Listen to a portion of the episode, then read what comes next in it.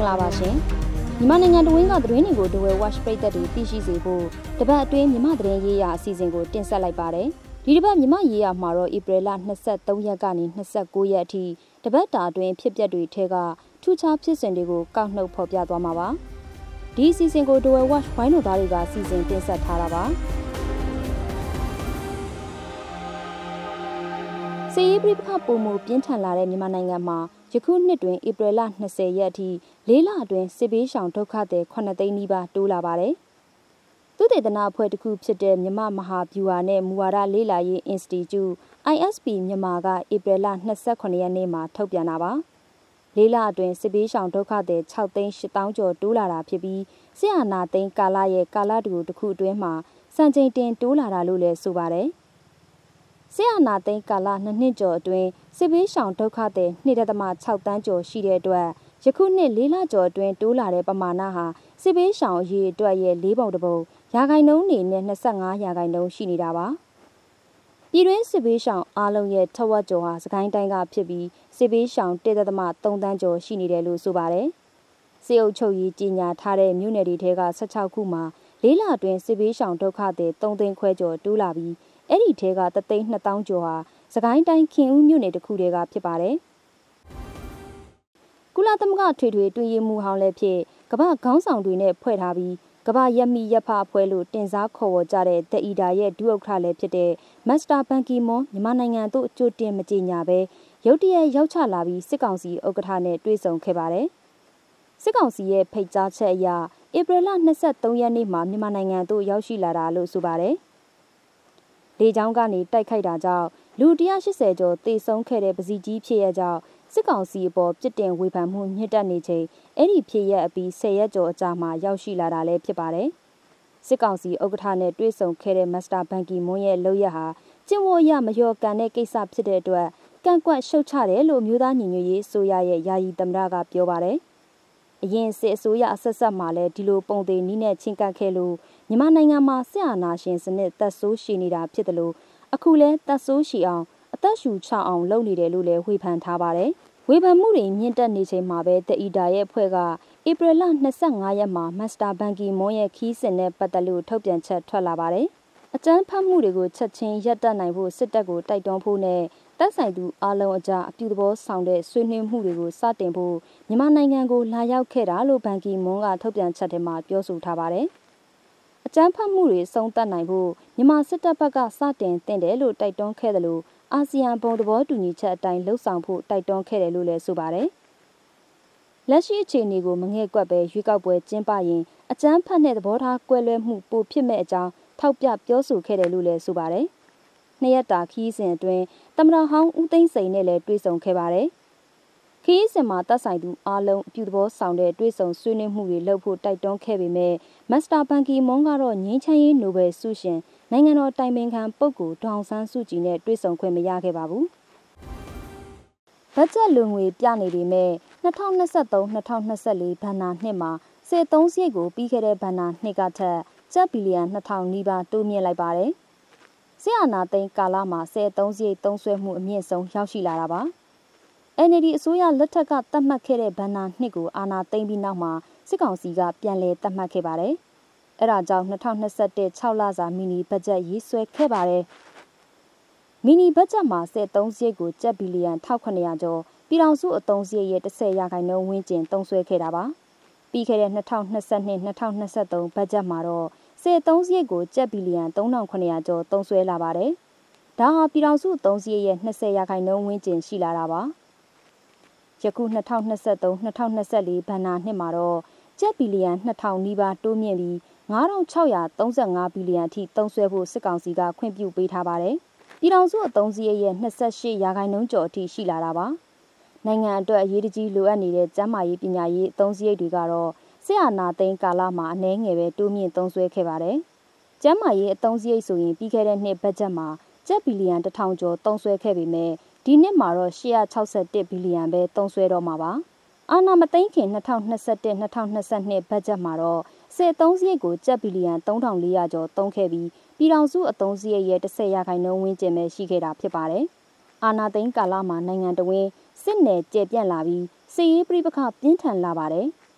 လေကြောင်းကနေတိုက်ခိုက်တာတွေဆက်တိုက်လှုပ်ဆောင်လာခဲ့ပါတယ်။အဲဒါကြောင့်စစ်လက်နက်သုံးစွဲမှုများလာတဲ့အတွက်ပြည်ပကနေစစ်လက်နက်တွေဝယ်ယူဖြည့်တင်ရတာတွေကြောင့် အခုလိုစစ်အုံစရိတ်တိုးမြင့်လိုက်တာဖြစ်နိုင်တယ်လို့သုံးသပ်မှုတွေရှိနေပါတယ်။ဒီမိုကရေစီအရေးတက်ကြွလှုပ်ရှားသူတွေရဲ့နေအိမ်တွေအပါအဝင်မရွှေပြောင်းနိုင်တဲ့ပိုင်ဆိုင်မှုပေါင်း950ကျော်ချိတ်ပိတ်သိမ်းဆည်းခံရတယ်လို့နိုင်ငံရေးကျင်းသားများကူညီစောင့်ရှောက်ရေးအသင်း AAPP ကဧပြီလ25ရက်နေ့မှာထုတ်ပြန်ပါတယ်။အာနာသိန်းချိန်ကနေဒီနှစ်မတ်လ31ရက်အထိစစ်ကောင်စီကချိတ်ပိတ်သိမ်းဆည်းခဲ့တာပါ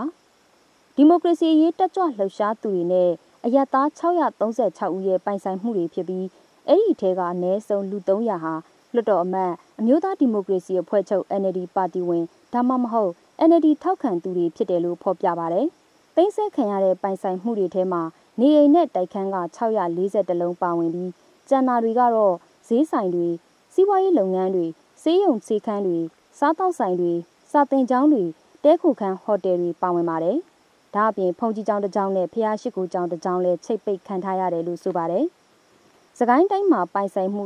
159ခုချိတ်ပိတ်ခံရတဲ့အတွက်တနိုင်ငံလုံးမှာအများဆုံးဖြစ်ပြီးရန်ကုန်ကတော့124ခုနဲ့ဒုတိယအများဆုံးဖြစ်ပါတယ်။ PDF တွေကိုထောက်ပံ့လို့ PDF တွေနဲ့ဆက်နွယ်တဲ့ဆိုပြီးချိတ်ပိတ်ခံရတာရှိသလိုဒီမိုကရေစီအရေးလှုပ်ရှားမှုကိုထောက်ခံအားပေးမှုကြောင့်လူကိုဖမ်းဆီးတဲ့ပြင်ပိုင်ဆိုင်မှုတွေကိုပါချိတ်ပိတ်တာတွေရှိနေတယ်လို့ဆိုပါတယ်။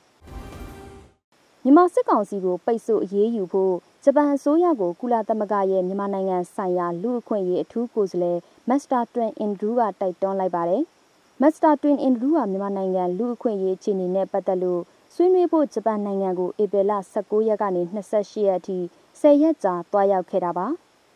မြန်မာစစ်တပ်အတွက်လေ့ကျင့်ရေးအစီအစဉ်တွေကိုလည်းချက်ချင်းရပ်ဆိုင်းဖို့လည်းဒီခီးစဉ်မှာတိုက်တွန်းခဲ့ပါတယ်မြန်မာနိုင်ငံရဲ့လူအခွင့်အရေးအခြေအနေဟာ ကြောက်စရာကောင်းပြီးပိုဆိုးလာတယ်လို့သူကဂျပန်ခီးစဉ်အပြီးမှာသတင်းထောက်တွေကိုပြောဆိုခဲ့ပါတယ်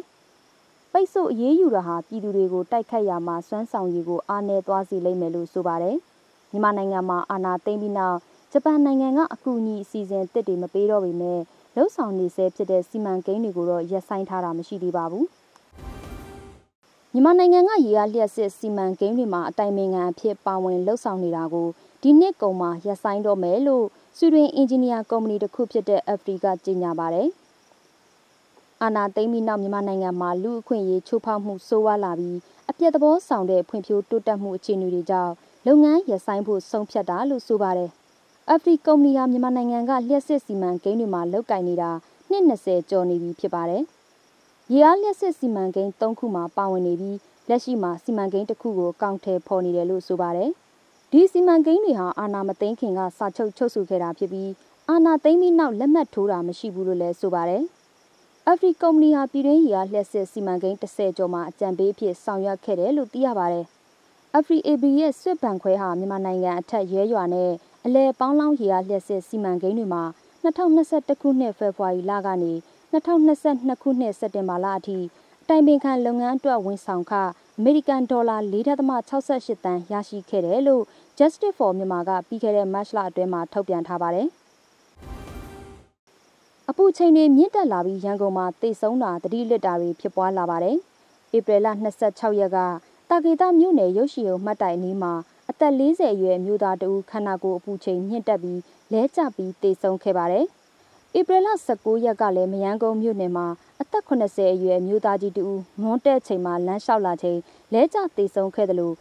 ဧပြီလ10ရက်ကလည်းမှော်ဘီမြို့နယ်ကနေစပိန်စီးပြီးလာသူအမျိုးသားတဦးဗဟန်းမြို့နယ်မှာသေဆုံးခဲ့ပါသေးတယ်။ဧပြီလ28ရက်ညတကောင်အချိန်မှာလဲမင်္ဂလာတောင်ညွန့်မြို့နယ်တိုက်ခန်းတစ်ခုမှာလျှက်စစ်မီးပြတ်တောက်နေချိန်အခန်းပူချိန်မြင့်တက်လာတာကြောင့်မိသားစုဝင်၄ဦးအသက်ရှူကျပ်ပြီးတတိလစ်သွားလို့ဆေးရုံကိုအရေးပေါ်ပို့ဆောင်ခဲ့ရပါတယ်။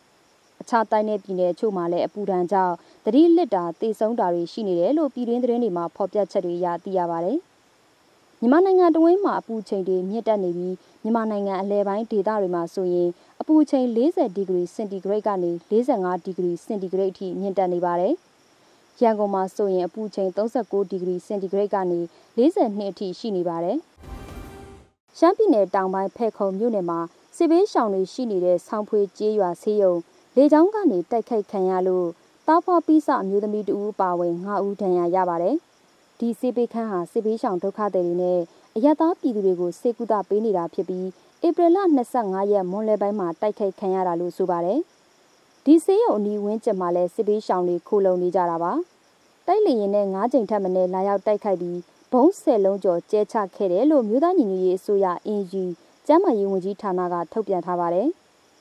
ဒဏ်ရာရသူ9ဦးထဲကမိဖွားပြီးတာ2ရက်ပဲရှိသေးတဲ့အသက်18နှစ်အရွယ်မြို့သမီးတူဦးကောင်းပြင်းထန်ဒဏ်ရာရပြီးအသက်အန္တရာယ်စိုးရင်ရတယ်လို့ဖော်ပြပါတယ်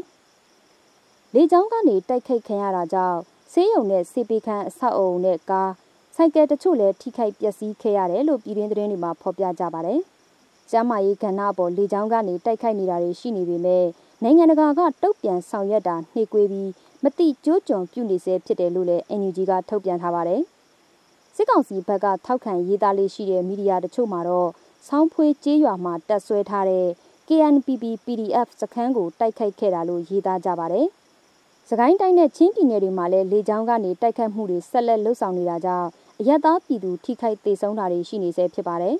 ။တကြံကာလအလော်မှာကိုဗစ်ကူးစက်မှုတွေပြန်လည်မြင့်တက်လာပါတယ်။